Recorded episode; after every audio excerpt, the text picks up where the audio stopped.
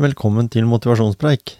Dagens episode, der har jeg snakka med Nina Bellesen uh, Thoresen. Hun uh, fikk lidenskap for løping, og vi skal snakke om hennes motivasjon. Nina har løpt uh, flere maraton, og Ecotrail 80 km også. I hvert fall minst to ganger. Så vi skal snakke litt med henne og hennes motivasjon. Hun driver også podkasten Jakte endorfiner, for de som vil komme enda tettere på hva løping og trening kan gjøre for deg.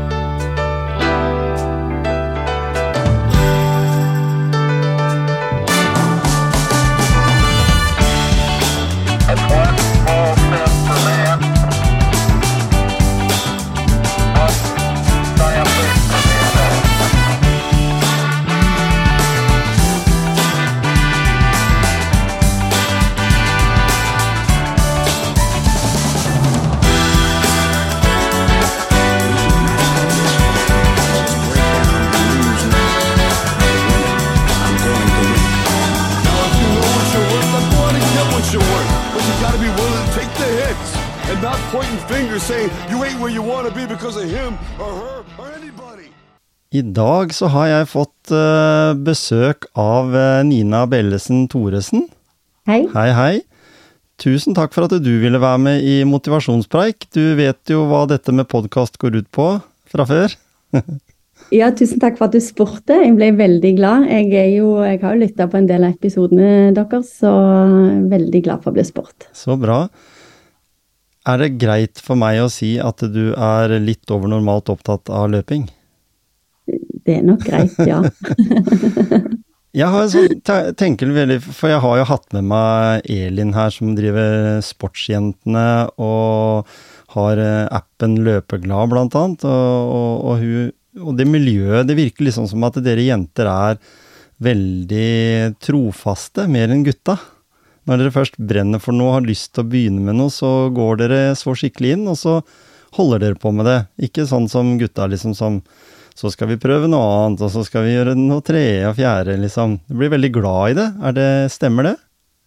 Jeg tror jeg må si meg enig med deg i det, ja. Jeg tror vi jenter har en eh, Hva skal jeg si vi, vi jobber med utfordringer vi kan få underveis, istedenfor gjerne å gå over til noe annet enn om vi ikke slår personrekord hver gang. Mm. Vi fullfører òg. Det er jo høyere fullfør, fullførighetsgrad på løp av damer eh, på did not finish. Ja, ikke sant? Og noen av, noen av de beste løperne som, eh, på tid og sånn, som eh, Therese Falk, vet jeg, som vi har hatt med i podkasten tidligere, som, som da på en måte er så utrolig bra at tider også blir bra, da. Altså, en kan liksom si at en eh, løper lengst i verden, eller en løpt flest runder, eller noe sånt. Liksom kan gjøre det, mens, mens gutta, de eh, er, er vi kanskje litt mer utålmodige? Eh, jeg tror kanskje òg det har litt med stolthet å gjøre. Ja, kanskje det? Det er det jeg gjetter meg litt til og Mm. tror noen ganger. Det er når du sier hva målet ditt er høyt, og så ser du at det ikke går, Mm. vil du heller gi deg. Ja. Det, det gjetter jeg meg til. Mm. Jeg er jo Ja. Fortell litt om deg sjøl, da. Eh, Jeg hører jo det at du har dialekt fra Er du fra Stavanger-området, eller? Gjetter jeg riktig, eller er jeg på tur? Ja da, det er helt riktig. Og jeg kan jo òg si, før jeg sier noe mer om meg sjøl, så kan jeg fortelle deg at jeg har et søskenbarn som har vært med i din podkast. Ja, Og han snakker også stavangersk, og han elsker Skien by. ja. ja. Hammersmark. Mm. Stemmer, Han- stemmer. Der kan Ja, du se, er verden er liten. Ja, det er han. Jeg, eh, jeg er jo født og oppvokst i Stavanger.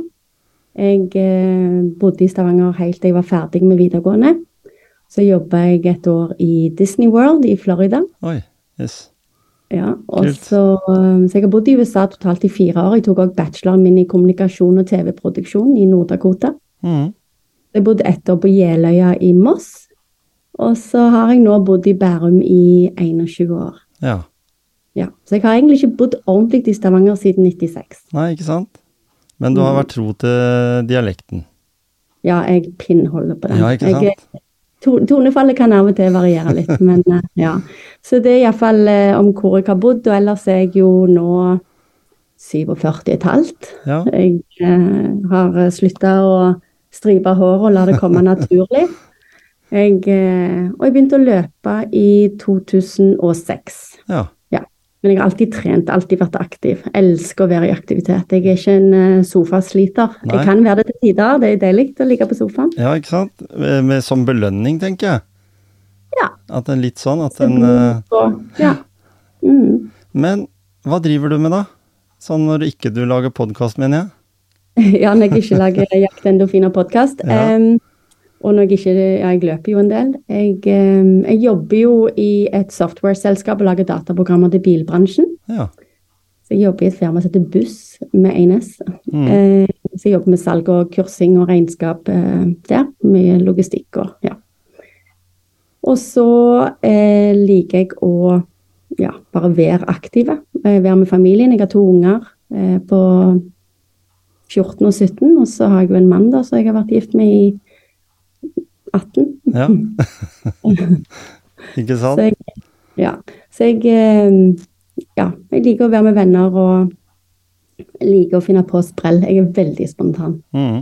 Men, men når, du, når du bor da i Bærum, så har du jo, Mm. som du har her i, i grenlandsområdet, veldig kort vei til naturen, egentlig. Mm. Det er i hvert fall ikke sånn at du må kjøre i lang, lang tid for å komme til, til fine områder og være, være på tur da og løpe og sånt. Og hva er det som på en måte er drivkrafta bak det at du i 2006 eh, valgte å begynne å løpe, da, siden du sier at du har vært aktiv før, men, men var det det liksom bare, bare klikk, eller var det et eller annet?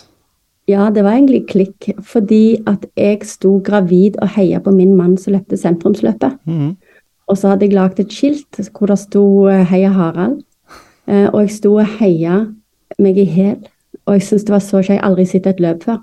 Nei. Eh, aldri, nei. Eh, og jeg hata å springe på videregående. Jeg hata det der at du må nødt Jeg hadde alltid eh, M eller en femmer i gym. Eh, men jeg hata det at du var nødt til å gjøre det på så kort tid som mulig. Eh, Så det ødela min løpeglede. Men når jeg sto der da gravide, tenkte jeg filler òg, dette her skal jeg gjøre neste år. Da skal jeg være med og løpe ti kilometer. Eh, og så etter fødsel og, og etter de her eh, magiske seks ukene vi må vente, så begynte jeg å jogge litt. Mm. Eh, og tok akkurat samme løypa som mannen tok. Eh, klarte ikke å finne på noe eget krutt. Eh, sprang på asfalt og um, hata det. Jeg syntes det var helt grusomt. Jeg sprang nok altfor fort. Jeg hadde nok altfor høy puls. Eh, men når jeg kom på startstreken og bare sto der med alle de andre folka Alle var nervøse, alle begynte bare å kjenne at pulsen steig. Stemningen rundt, og folk på spiker, på høyttalere, og bare oh, så Alle ville gjøre det samme. Det var helt magisk fra begynnelse til slutt. Det var slitsomt. Men jeg kom i mål. Jeg, jeg, mestringsfølelsen den bare tok meg med en gang. Mm. Så da fortsatte jeg bare å springe. da. Så Og så gleda jeg meg til startnummer. Ja, Men ja, for, for du, du liker å løpe med startnummer. ja Ja. det gjør jeg. Så, Mm. så det at du har liksom en eh, Kan jeg si da at du er eh, Altså løpinga og treninga du gjør med løping er en slags eh, et mål Eller du har et mål der framme som du trener til? Ja, det, Ja. Alt, jeg har alltid noen mål. Um, om det er rett rundt svingen, eller om det er et år. Mm. Uh, for jeg tror jeg sprang sikkert Jeg tror gjerne jeg sprang i fem, seks, syv år jeg, før jeg egentlig likte å løpe. Eh, at jeg ikke kalte meg en løper før jeg faktisk likte det. Eh, for jeg, gikk, jeg har drevet med taekwondo, og da får du belte. Og det er jo det som er målet. Og da når jeg slutta på taekwondo, jeg har gjort det i to omganger, da, eh, prøvde meg igjen mellom barn én og to, og ga meg da syv måneder gravid på gradering, da tenkte jeg nå får det holde. Eh, Men da var de her startnumrene da målene mine. Fem kilometer, ti kilometer, eh, variert. Prøvde å finne eh, Ja, det var i begynnelsen var det vel tre-fire løp i året. Eh, mens nå er, det, eh, nå er det nesten bare lommeboka så stopper. Ja. Ja. Er du med i noen klubb? Nei, men jeg starta på en måte en egen sånn uhøytidelig løpegruppe som heter Høge på livet. Mm. Um, eller startende, startende. Jeg fikk med meg ei venninne som hata gym. Hun hata alt med gym. Eh, men hun syntes det var kjekt å treffe meg innimellom på kveldstid og få fri fra unger eh, og være med å løpe. Eh, og så begynte hun å være med å løpe, løpe med meg. Mm. Sånn, det, for mannen min han sprang jo så fort, så han var jo ikke med meg. Så da sprang meg og hun sammen i mange år. Og hun er jo nå Runners World-blogger. Eh, har sprunget Soria Moria til verdens ende, den der 100 miles. Hun er jo helt rå. Um, så vi har blitt vel Vi ble vel noen og 20 medlemmer i Høyre på livet uh, før koronaen, og så har det dødd ut litt. da. Så har vi egen Skien-avdeling. Mm. med, Men de kaller seg for uh, charter Hva de kaller det? Charter Ultra, eller noe sånt? Mm. Er det det de kaller seg Ja, ikke sant? Mm. Og det, er jo, og det har blitt veldig populært, faktisk, det å løpe uh, løp som er lenger enn maraton. Det er vel det Ja. ultra egentlig er.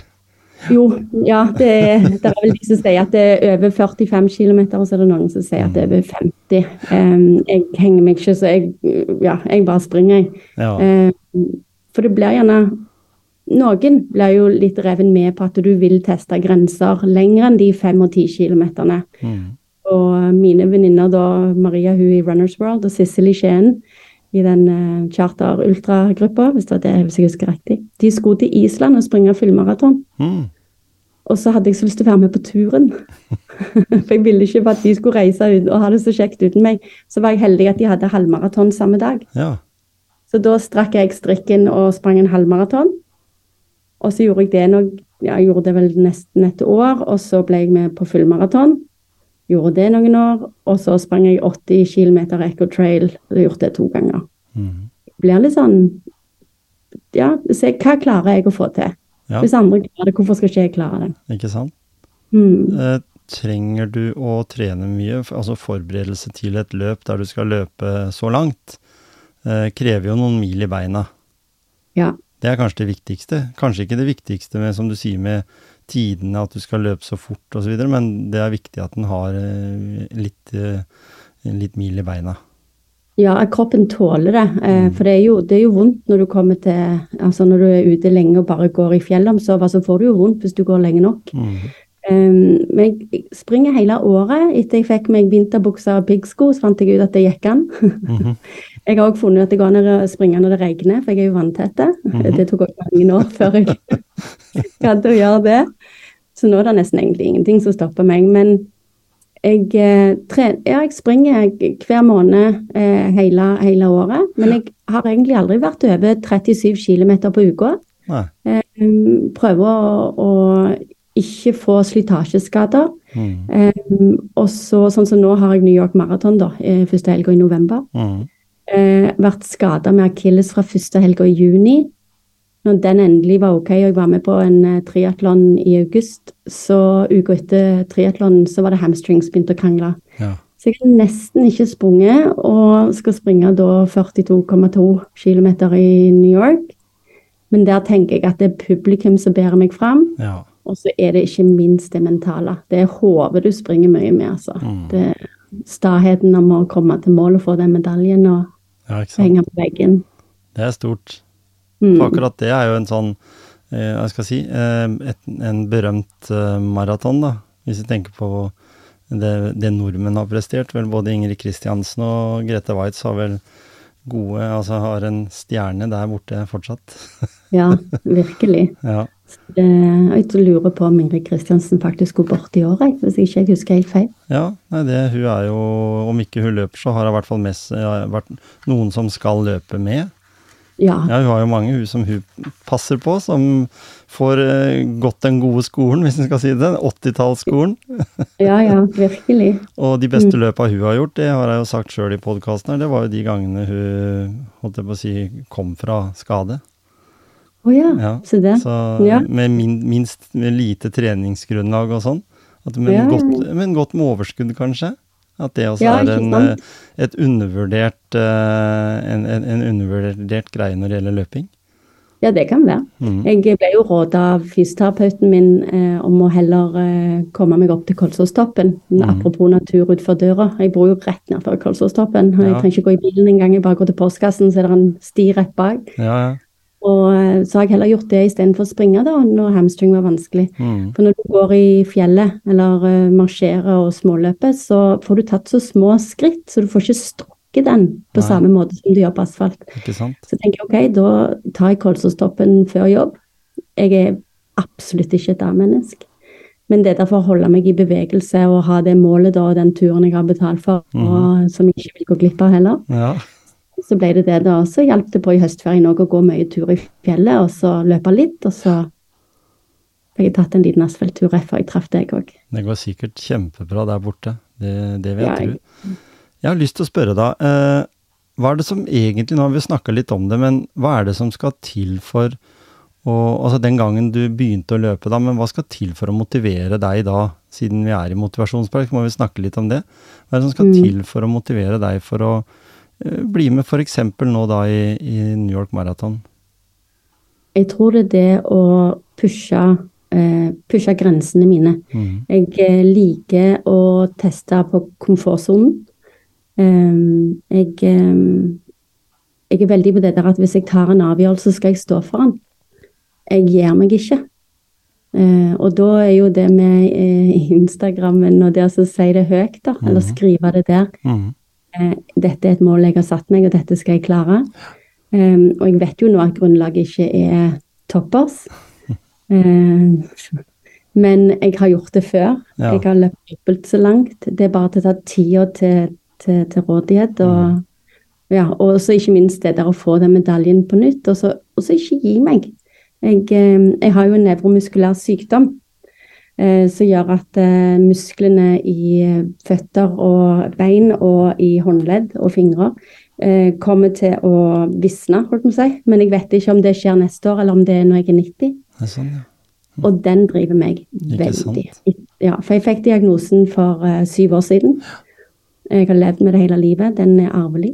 Mm.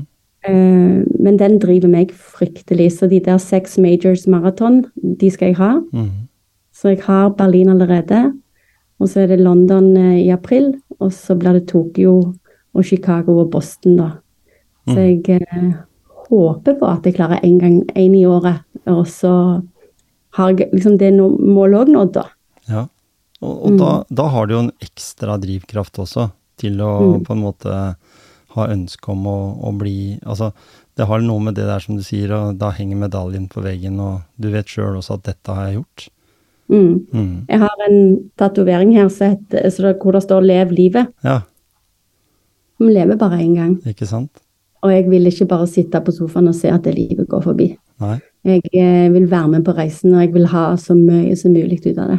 Og, og kan, du, kan du si det at det kunne vært en uh, viktighet for mange å finne den drivkrafta eh, et eller annet element som, som gjør det? Altså sånn som nå skal du være med på et stort løp, du har også vært med på flere løp, ikke sant? Og så for hver gang så skal du forberede deg fram til det løpet. Eh, er det sånn at flere kunne eh, finne et eller annet sånn som, som gjør at du får den det, det jo, Vi snakker jo om en indre motivasjon der, vet du. Fordi det er jo liksom, Og kan vi få til det, så er jo allting så mye enklere å få, få gjennomført. Hvis du kan få det inn, sånn som du sa du begynte å løpe også i regnvær. Mens det er veldig mange som sier at nei, da gjør jeg det i morgen isteden. Og så regner Ja. det jo kanskje hele, en hel måned. Ja, ja det er sant. Nei, jeg tror, ja, jeg tror nok at eh, alle kan finne en indre motivasjon om eh, de ikke, hvis de har ei tipp topp helse fra før, og at ikke det er det de jobber mot, om å bli sterkere eller smidigere eller eh, lett på foten. For alt trenger jo ikke være løping. Eh, men hvis de, de har et, eh, et mål eller en endring de har lyst til å gjøre, da, så er det bare de som kan gjøre den endringen. Um, og jeg, jeg har en fetter um, som er ja, han er vel 14 år yngre enn meg. Født med cerebral parese og epilepsi. Mm. Sitter i rullestol. Altså, han har lært seg å dykke.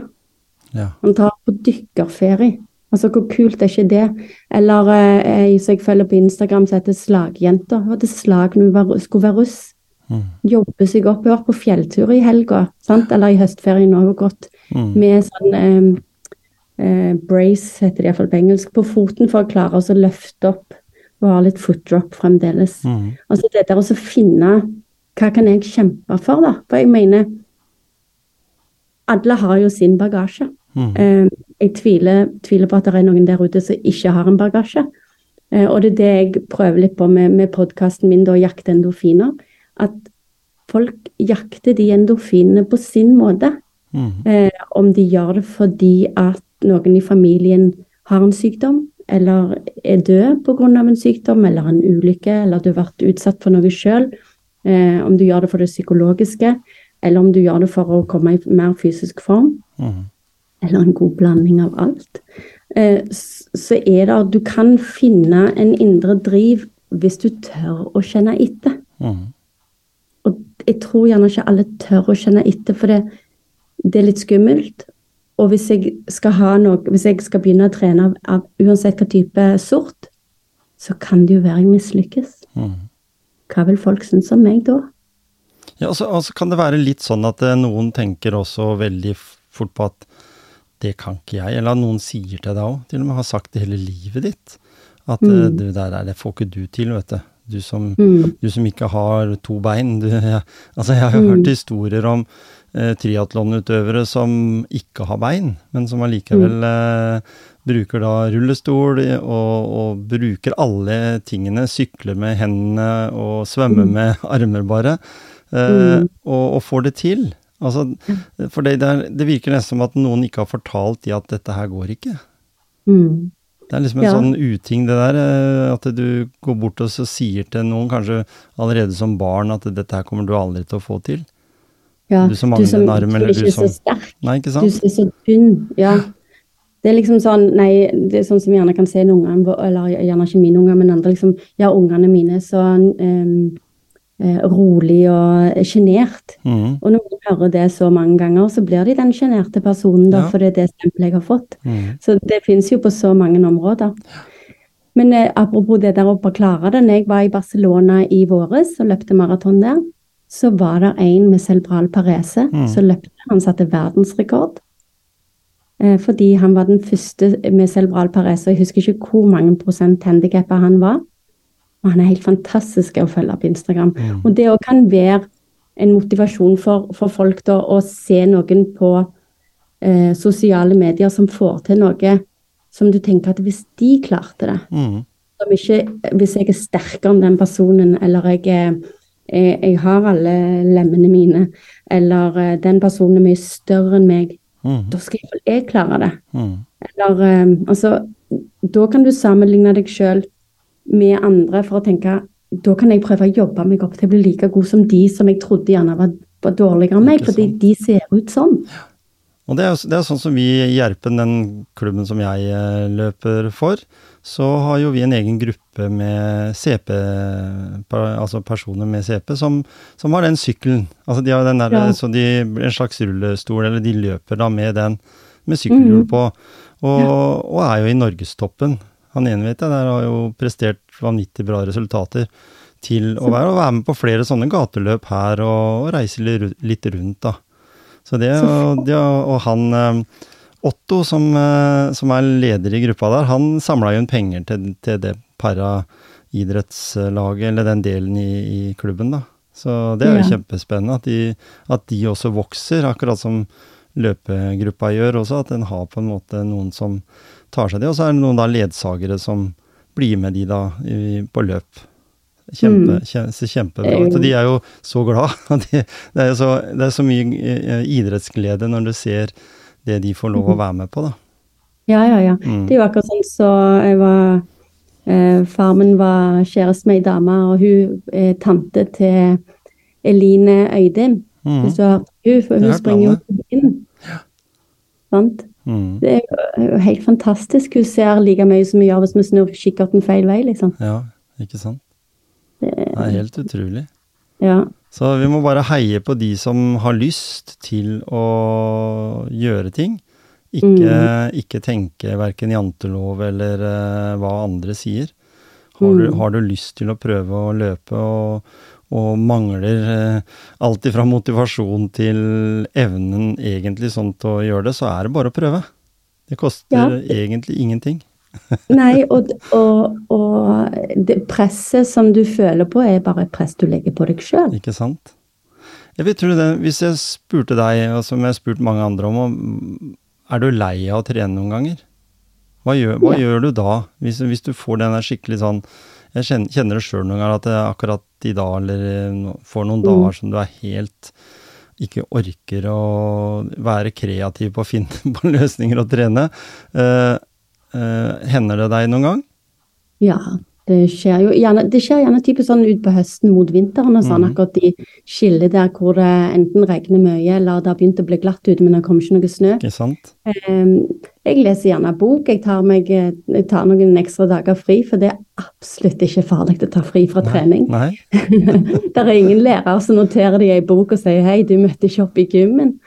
Um, eller at jeg òg gjerne tar kontakt med ei venninne så sier du vi skal ikke samle en gjeng og løpe sammen. For da altså For jeg løper av og til med venner, av og til alene. Ja. Jeg er jo veldig spontan, så ofte disse løpeturene blir jo gjerne alene.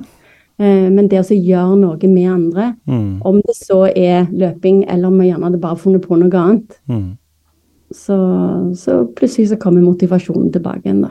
Ja, for du, du fikk jo, som du sa her eh, tidligere, fikk motivasjonen da du var tilskuer til et løp.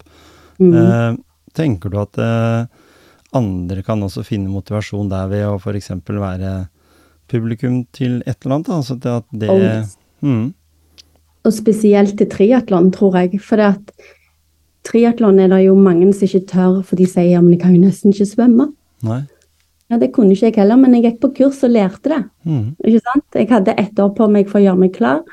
Eh, og triatlon, du ser litt av svømminga. Du ser eh, folk hive seg på sykkelen. Du ser så mye glad folk i tre aktiviteter, da. mm, Eh, og så hvis det er på den sprintvarianten som er en kortere variant, så er jo det over på alt fra ja, én til tre timer, da, ut ifra hvor lang tid folk bruker. mm, Eh, Istedenfor å gjøre den samme tingen på nytt og på nytt. da. Så Mm. ser, eller, og Det er derfor òg der er sånn eh, Kom til vår klubb og se oss trene taekwondo. Um, åpen dag. Det er jo rett og slett for å prøve å få folk til å se hva er det vi gjør i denne klubben. Mm. Er det vannpolo, eller er det volleyball, eller hva? sant? Ja, for det er jo det viktigste er jo det å, å ikke nødvendigvis at det blir løping på alle, men at, eh, at en på en måte bare gjør en eller annen aktivitet. Eh, Mm. Mye av den eh, Det som skjer med deg, du blir eh, i bedre form, men også den sosiale biten er vel viktig. Mm. Som de sier, du tar med løpeturene dine aleine ofte, men når du skal dra til New York Marathon, så vil du jo måtte være sosial med mange mennesker. Det er sikkert eh, hundretalls nordmenn også som skal over dit. Så, så Mm. du vil jo på en måte komme midt inn i det. Jeg så det når jeg var med og løp den 10 kilometeren i Oslo Maraton. eh, Jeg er ikke sånn som har stilt så veldig, jeg har spilt fotball i over 40 år, liksom. Så, så jeg har liksom hatt tilskuere på fotballkamp, men, men har liksom ikke tenkt at jeg skulle løpe noe løp. Så, så det har blitt sånne nyttårsløp, øh, sånn mil som du løper. Men, men da tenkte jeg at jeg hadde lyst til å inn dit mye også for atmosfæren sin del. Eh, Mm. Og det var jo så sinnssykt mye mennesker. Det var jo så utrolig stemning. Som gjorde at jeg nå skulle være med neste år igjen nå, jeg allerede, liksom. Så, så det var liksom Den avgjørelsen tok jeg med en gang. Og da var faktisk de her hjemme også sånn ja, De vil bli med inn og se. Ja. Heie, ikke sant. Og være tilskuer. Jeg syns Oslo Maratondagen er kjekkere enn 17. mai. Mm. Eh, Fordi at eh, jeg løpte òg tid for Grete i, i år. Det var første gang jeg tok tid for Grete, men jeg tok det rolig, for jeg var redd for å ødelegge hamstring og sette meg mer tilbake før New York. Men jeg var der nede klokka 11 Mm. og sto og heia på hver eneste menneske så å si som løpte forbi meg. Ikke sant? Jeg står og løper sånn at den ene innspillingen jeg hadde med podkast etterpå, da hadde jeg nesten ikke stemme. Nei. Altså jeg hadde litt sånn hviskestemme stemme som liksom nesten bryter, skulle minst tro det var stemmeskifte på gang. Ja. Men jeg, jeg blir så engasjert, for jeg blir så glad. Og jeg vet ikke om du har det sånn når du kjører bil, og så sier du bare skal på middag en plass, eller bare hjem fra jobb, og så kjører du forbi noen som er ute og løper, og så er det fint vær, og så er det sånn Å, heldigen. Heldigen de som fikk løpe. Det, Da, da, da Åh. kribler det skikkelig. ja, og da må jeg bare fortelle, jeg har i mange år kjørt samme strekke eh, på Billingstad i Asker hvor jeg jobber. Eh, og på vei hjem så har jeg pleid å se en mann eh, springe i en eh, typisk sånn Det er jo en treningsdress, men jeg ville kalt det en grilldress. da. Det er et sånn ordentlig sett. En mann med stort skjegg. Og så har jeg sett han over tid, og så har jeg sett at han blir mindre. Og så en gang jeg var på løpetur, så traff jeg han. Vi løpte rett mot hverandre. Og jeg har seriøst ikke filter, så jeg stopper mannen, og så sier jeg du, jeg har sett deg springe på Billingstad. Og han bare å, har du det? Ja, sier jeg. Jeg har sett deg springe, og nå ser jeg at du har begynt å gå ned i vekt. Å, tusen takk. Og ja, han ble kjempeglad da. Og så sa vi ha det og løpte videre hver vår vei, for det var på vinterstid, så vi kunne ikke stå lenge i ro. Og så for eh, noen uker siden, ja, etter eh, Oslo Maraton, så traff jeg han på vei inn til kontoret, for jeg tar podkastinnspillingene her. Ja. Så traff jeg han på vei inn, så sier jeg du, nå, nå er det nesten ikke noe igjen av deg. Nå har du blitt slank nå. Han var så glad, så nå skal han være med i min podkast. Så bra. Så bra. Kjempefint. For å spørre deg, da. eh, Hvordan eh, Altså, du bruker jo podkasten din litt som det jeg gjør, egentlig. Jeg ønsker å motivere folk til å enten begynne med noe, eller bli påvirka av hva andre snakker, sånn som vi snakker her om løping. Mm. hva, hva gjør du på en måte Hva er viktig for deg med podkasten din? Du møter jo mange mennesker, det vil jeg tro. Jeg har jo også gjort det. Eh, men hva, hva, hva driver da? Det som driver meg, er å få ut um, litt inspirasjon og motivasjon til trening til gjerne folk som har fått en diagnose, som jeg sjøl fikk, Mm. uh, som ikke tør. Uh, enn om legen har sagt at det er greit å være i aktivitet. Mm. Eller at folk som eh, har blitt skada, eh, langtidsskada og må på rehabilitering. Mm. Eller de som aldri har kommet i gang og trena i det hele tatt. Ikke sant? Og så får jeg jo tilbake Jeg får mest tilbakemeldinger av de som faktisk liker å være i aktivitet sånn som meg, og jeg vet de trener ofte. Mm. De òg liker å høre på det fordi at du kommer inn under huden på andre mennesker og hører at eh, eh, ja, livet var ikke så lett i en periode, men treninga er med å gjøre livet bedre. Mm. Ja, for, det er tvil, ja, for det er ikke noe tvil om at trening er en god medisin. Det er jo forska mm. på det. Så det burde jo på en måte være reseptbelagt, mener jeg da, i, i Ja, ja. Norge i dag. For det er den enkleste måten. Du kan ha et par veldig gode sko, og så kan du ha en shorts og en T-skjorte, i hvert fall på sommerstid. Og det er Mm. alt du trenger av utstyr. eh, I Mm. motsetning til mye annet, kanskje. For, for det er jo sånn at eh, det er gøy, som du sier, det der med at du ser den forandringa på et menneske. da, Og jeg har jo opplevd personer jeg også har sett som bare går i starten, Mm. og veier kanskje Altså de går fordi det er for tungt for kroppen å løpe, øh, og du får så vondt, eh, Mm. til å bli slanke og, som du sier, stille, stille i maraton eller triatlonøvelser også. Jeg har sett Mm. flere eksempler på det, og hatt med noen i podkasten jeg også, som har gått den veien der. Eh, og det er så motiverende, syns jeg, da. Altså jeg blir jo motivert av det sjøl òg. Fordi det, det er så flott å se mennesker forandre livsstil og, og leve lenger. Ja. Det gjør det. Det er virkelig eh, med å gir meg mer motivasjon til å ikke stoppe. Mm. Eh, og målet mitt i bunn og grunn er jo i håp om at liksom, om det er én person som faktisk sier vet du hva, jeg skal gå tur um, hver torsdag, for da kommer det ut en episode, Mm. eller jeg skal ta en ekstra tur. Jeg pleier bare å gå på lørdager. Mm. Jeg skal gå tur oftere, for det gjør meg godt. For det å gå er så undervurdert, og heldigvis så skriver jo eh, tabloidavisene, eller ja, kanskje bare kaller de tabloidaviser, men det er jo mye tøys òg som står i de avisene.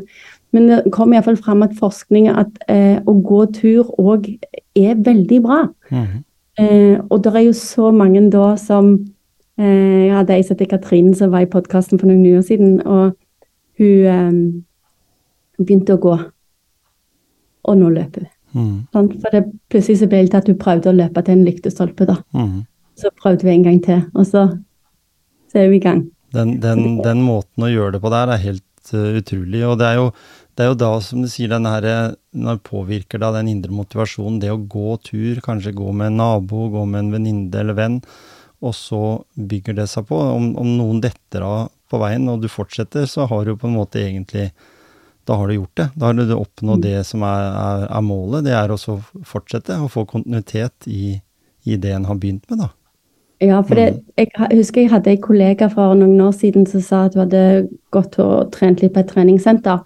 Men hun ble bare sliten. Mm. Så prøvde jeg å forklare til henne at hvis du går to faste dager i uka, og gjør det i tre-fire måneder, og så gjerne, hvis du klarer, hvis tida tre- strekker til, så legger du på en tredje dag, så vil du se at du får energi istedenfor at det bare tar energi. Mm. Men akkurat med henne nådde jeg ikke fram. Hun, eh, hun ga seg. Men Ja. um, for alt jeg vet, så gjør hun, har hun gjerne begynt å trene nå, da. Ja, ikke sant?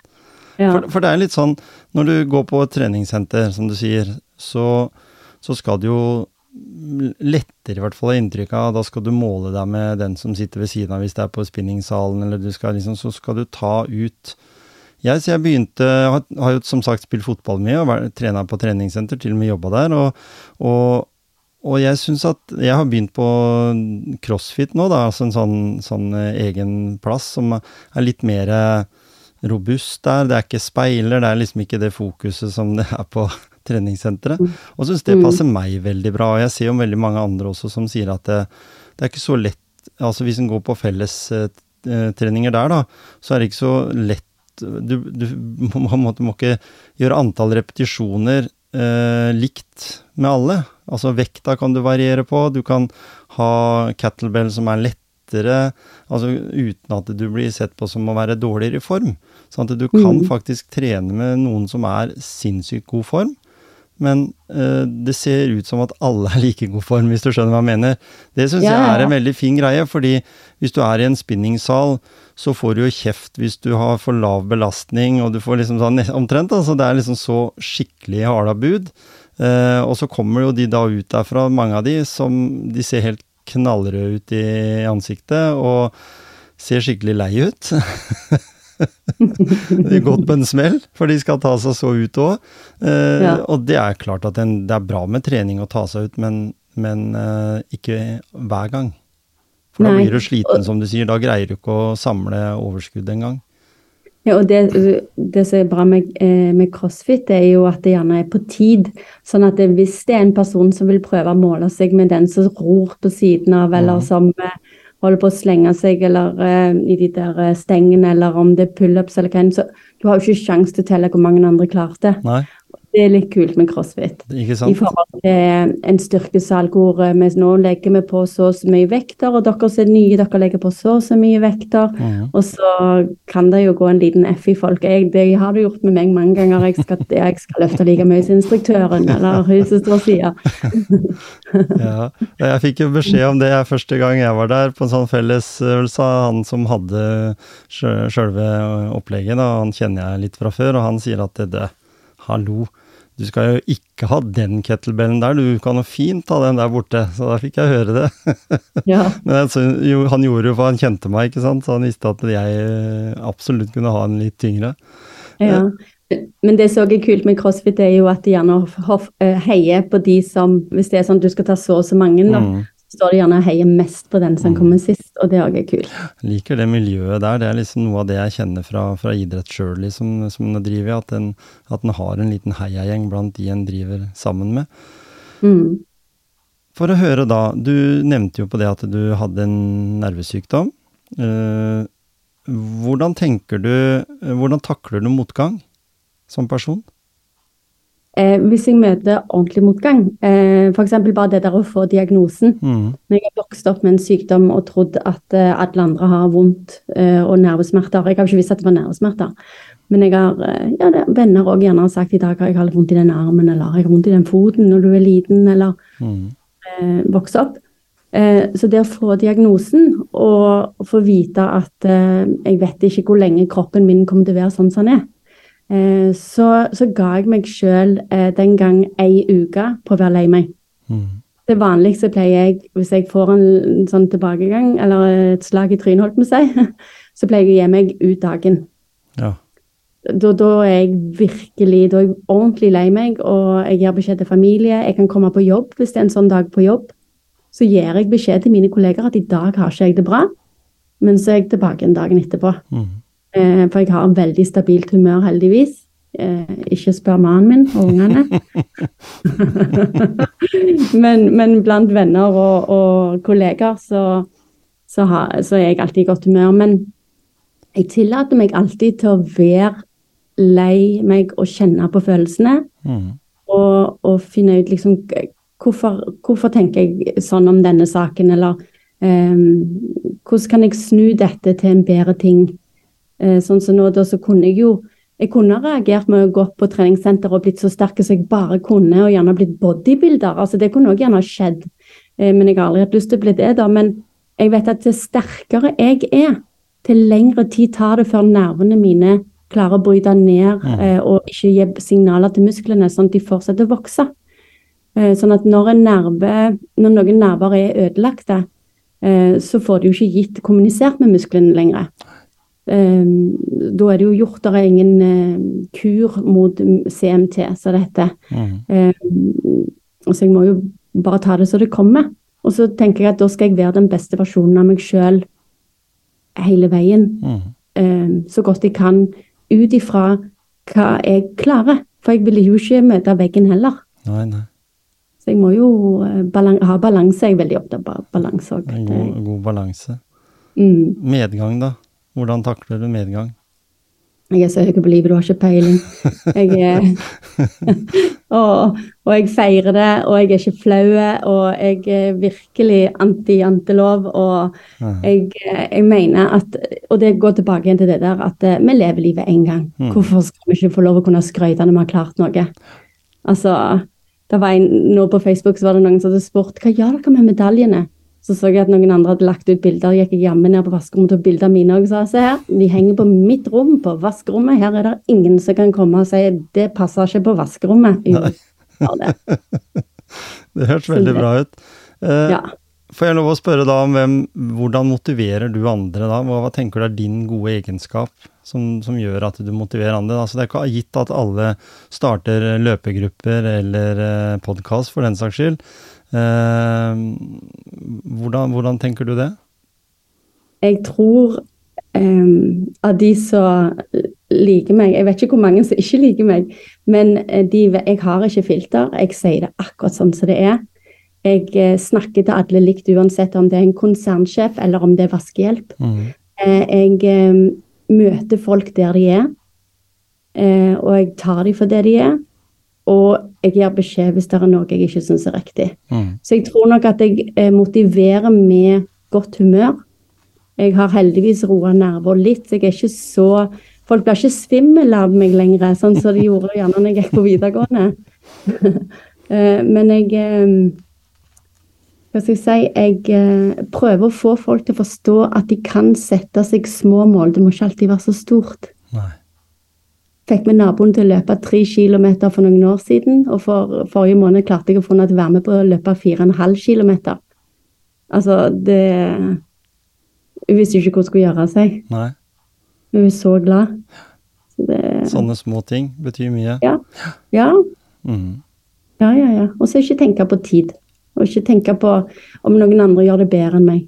Men jeg må si jeg fryder meg litt når jeg løpte Berlin maraton og var dårlig mellom kilometer 13 og 30. Og så hadde Christian Ulriksen han hadde 'did not finish', men jeg kom meg i mål. Sånn. Det høres veldig bra ut. Meg og Kipchoge vi fullførte, Ja, og så? Christian Ulriksen han ga seg. Ja. Men når jeg spør om da jakte endorfiner, Mm. eh, har du noen eh, målsetninger for podkasten din? Har du satt deg noen mål? Det vil jeg bare håpe at eh, så mange som mulig hører i alle fall én episode Mm. som kan være med og hva skal jeg si, tenne en liten gnist, da. Mm. Um, det der med at hei, jeg er jammen heldig, jeg har ikke sykdommer. Eller jeg har ikke vært utsatt for en skade. Ehm, og heie mer på underdog. Mm. Um, jeg, det, er ingenting jeg syns er kulere enn de som virkelig har slitt, som klarer noe. Mm. Um, så jeg håper jo at folk tipser andre om podkasten. ja, sånn som Sissel i Skien, da, som uh, har hatt slitt med long covid. Mm. Altså Så sterke damer eh, skal du lete lenge etter. Eh, fordi at hun måtte plutselig sove istedenfor å trene, f.eks. Mm. Ikke gjorde noe farlig som gjorde at hun ble utsatt for noe. Ikke hadde hun fått seg en sykdom, men ingen forsto hva det var, hvor lenge ville det vare. Eh, ja. Så, så, for du er, jo, du er jo litt i den gata sjøl, da. Du, du sier jo det, du har jo en sykdom selv. eh, Men du på en måte gir eh, blanke i den fordi her skal du leve livet. eh, Mm, Gjøre det du har mm. lyst til å gjøre. Jeg sa jo det til meg sjøl her, jeg måtte jo bli 50, eller bli over 50, før jeg liksom sa til meg sjøl at eh, jeg, har, jeg vil slutte med å gjøre ting jeg må, bare ting jeg vil. Mm, Og så er mm. jobben min det å gjøre om må-ting da, eh, til vil-ting.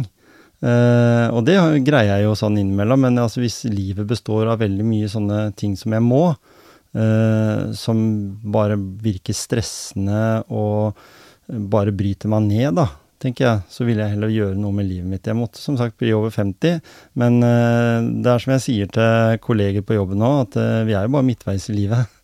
Ja, jeg skal akkurat til å si det. Jeg, det er bare halvveis. Ikke sant? Eh, det er så stor sjanse for at Mm. vi lever til nærmere 100 nå til dags. at, Det er det. eh, Så da Ja. har jeg gjort liksom Det har jeg gjort i mitt forrige liv. eh, av, av måte å tenke på, altså bruke hodet. Og nå tenker jeg nå skal jeg bruke de neste 50 på å ha en litt annen mindset, da. Litt mer eh, positiv. eh, En har jo sjanse til det, ikke sant, når en har eh, fått barnebarn istedenfor bare barn. Og så, og så får en liksom vært en mer avslappa versjon av seg sjøl, kanskje. Vet ikke. ja. Jeg Jo, har jo, sikkert noen bokstaver, jeg har sikkert det, men, men allikevel, de, de er jeg glad i. Ja. Når, når du finner disse personene du vil ha med i podkasten din, eh, er det mennesker som du er eh, på en måte Jeg har alltid tenkt sånn at de jeg har med i podkasten min, de eh, er jeg nysgjerrig på. Sånn som at jeg hadde lyst til å ha med deg. Eh, Og de andre jeg har hatt med, kanskje en ja, 200 eller 210 stykker jeg har hatt etter hvert. Eh, men allikevel så er det mange som lager podkast som blir fortalt hvem de skal ha med. Eh, hvilken følelse heier du på? Oi. Ja, for jeg vet jo det er jo podkaster, altså få- personer som lager podkast for NRK f.eks., som sier at Ja. den og den og den skal du ha med. Mm. Og så husker jeg Erik eh, Bertrand Larsen sa en gang at eh, han hadde ikke fått forberedt seg, for han visste ikke hvem den personen han skulle egentlig ha i studio var. Så tenkte jeg med en gang, men Erik, skal ikke du ha med deg folk som, som du genuint ønsker å vite litt mer om? Sånn tenker jeg da. Hvordan tenker du om det? Du nevnte jo han med Du nevnte jo han hyggelige mannen du hadde møtt ute på løpetur. Ja, Eh, og få ja. med han, ikke sant? Ja. Eh, fordi eh, det gir deg noe. Det må jo gi deg noe òg. Ellers Ja, blir du jo bare sliten og sånn og, og gjør enda en ting. ja, nei, og jeg eh, liker deg. Jeg, eh, jeg har slutta med ting som stjeler energi. Mm. Eh, Den eneste tingen jeg må gjøre, er å gå på jobb. Ja. ja, ikke sant?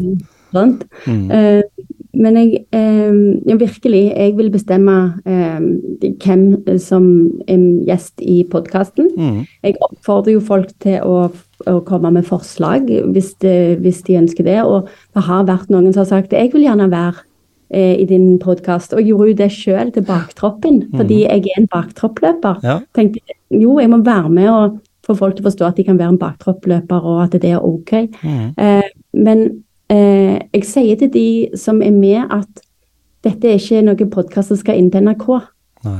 Eh, vi snakker oss imellom og, og vi blir kjent. Jeg vil eh, de, de som har vært gjester til nå, er folk som jeg gjerne har fulgt på Instagram en stund. eh, utenom de som har tatt kontakt sjøl, da. Mm.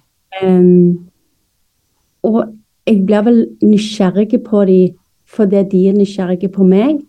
Og så ser jeg fort da på Facebook eller Instagram at eh, they're my kind of people. Altså det er Ikke folk sant? som liker å være ute og være i aktivitet uansett hva type aktivitet det er.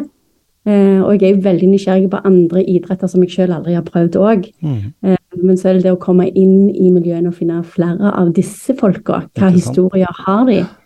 Eh, for jeg er sikker på at du kan plukke ut hvem som helst på gata, så har de jo et eller annet de har lyst til å fortelle. Men gjerne ikke alle som tør. Nei, det er jo Det har jeg merka òg. For jeg har jo flere på lista mi som jeg gjerne ville at skulle vært eh, en tur innom i studio eller, eller vært på en episode, men som litt Syns det er litt ukomfortabelt og litt vanskelig, og hvorfor skal jeg være med på det? Jeg har ikke noen viktig eller en god historie å fortelle, så, så, derfor, så vi- mm, derfor vi begynte innspillingen nå, så hadde jeg fått eh, svar på en e-post jeg sendte til Slottet. Ja. Og de eh, kronprinsesse Mette-Marit takka fint nei, det Mm. passer ikke. Mm. Så ja, det er liksom Jeg også, jeg også fikk det veldig, det var, jeg også fikk det for jeg ville ha, ha Magnus, eller Håkon Magnus, mener jeg, mm, eh, i podkasten. Kronprinsen og greier. Liksom, men eh, Mm. det var Men det var høflig brev jeg fikk, eller mail jeg fikk Mm. tilbake, da. Så det er jo Ja, ja. at de gadd å lese den. Så, Ja. Men jeg tenker òg det den der at eh, hvis du ikke tør, så Mm. får du jo heller ikke et nei. Altså, Ikke du må jo prøve. Og det har et sånt innerst ønske du da om å treffe mennesker som på en måte berører deg på et vis. Mm. Mm. Ja, jeg blir veldig fort berørt. Ja, ikke sant? Ja. Så, så når du da eh, lager en podkastepisode, hvordan bygger du den opp eh, gjennom Altså, er det mye planlagt på forhånd? Du nevnte jo litt at du hadde jobbet med innenfor data, eller programvare, og, og, Mm. og hadde, jo, hadde du ikke noe utdannelse innen film og, og markedsføring, eller sånn? Ja, Jeg har, eh, jeg har en bachelor i kommunikasjon, hvor jeg fokuserte på TV-produksjon. Så jeg har Mm. vært sportsoppleser på amerikansk TV, og TV-journalist og redigerer og ja, Mm. Hele pakken. Um, og nå selger jeg dataprogrammer. Jeg lager de ikke. Jeg er langt ifra Ja, ja. nuller og linjer og sånn. Det Ja. koster ingenting av. Uh, men jeg um, Nå glemte jeg spørsmålet ditt. Jeg tenkte at hvis du Oppbygginga av en uh, Ja. Podkastepisode. Jeg eh, så, eh, Når vi har avtalt eh, tidspunkt og, og sånn for innspilling, så sender jeg en e-post med invitasjon til Zoom, sånn som du Mm. gjorde. mm, Men så legger jeg med i den e-posten om hva jeg ser for meg at vi kan snakke om. Ja. Og så skriver jeg alltid eh, passer dette deg? Er det noe jeg ikke har tatt med her? For du sitter sikkert på masse historier som jeg ikke har fått med meg. Mm. Enten fordi at jeg, eh, de ikke har delt det på sosiale medier og jeg har fått det med meg, eller at det er noe som er hemmelig som de ikke har lyst til å si helt høyt, gjerne før de er i en podkast. Mm. Eh, og så spør jeg alltid om det er noe de ikke vil prate om. Um, for eksempel sånn med hun um, eh, Gunn Monica som har, gikk på og rusa seg i 14 år, Mm. sant, så nå løper istedenfor.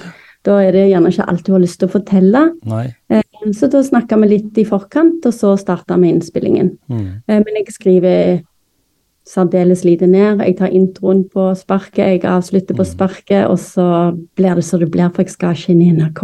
Nei, og så er de beste podkastene en lager, de er uten manus, pleier jeg å si. For det er noen som Ja. lurer på har du ikke noe manus, liksom. Nei. Det er noen stikkord, sier jeg. Det, det, Ja. Noen ganger har med meg det, men Mm. ellers er det stort sett bare Det blir den beste samtalen hvis en kan snakke rett fra, fra Ja. levra, hvis en kan si det på den måten der. At ikke ikke har noen begrensninger på, i samtalen, da. Så Mm. Ja, for det, kan jo slå meg den ene episoden, så begynte jeg å grine ganske fort. Og tårene rant, så jeg har jo til og med kjøpt en sånn boks med Kleenex jeg har på pulten. så, eh, men så gikk det en liten stund, så begynte jeg å le, og så grein jeg litt igjen. Og så det blir liksom sånn Når du møter folk på den måten og hører historien første gang, det er da det virkelig treffer. mm. Um, og det er jo sånn lytterne møter gjestene òg. Er jo da veldig ofte første gang. Mm. Mm. Kjempebra. Nei, jeg gleder meg til å høre flere av episodene i podkasten din, og så Ja. håper jeg det at uh, mange andre gjør det også. Uh, den er i hvert fall å, å kunne lese både på Spotify og egentlig alle plattformer, egentlig, som, som du kan Ja. bruke via mobiltelefon eller via data. Ja. Lykke til i New York. Tusen, Tusen takk. takk for at du blei med i Motivasjonspreik. Så, så kanskje treffes vi en dag, og da kan vi jo prate litt både om løping og om podkast. Ja, det hadde vært hyggelig. Kan vi være med plutselig se sånn at tid for Grete neste år? Ikke sant? Takk for eh, hyggelig prat. Eller Tusen preik, som jeg må si. Ja. Tusen takk skal du ha.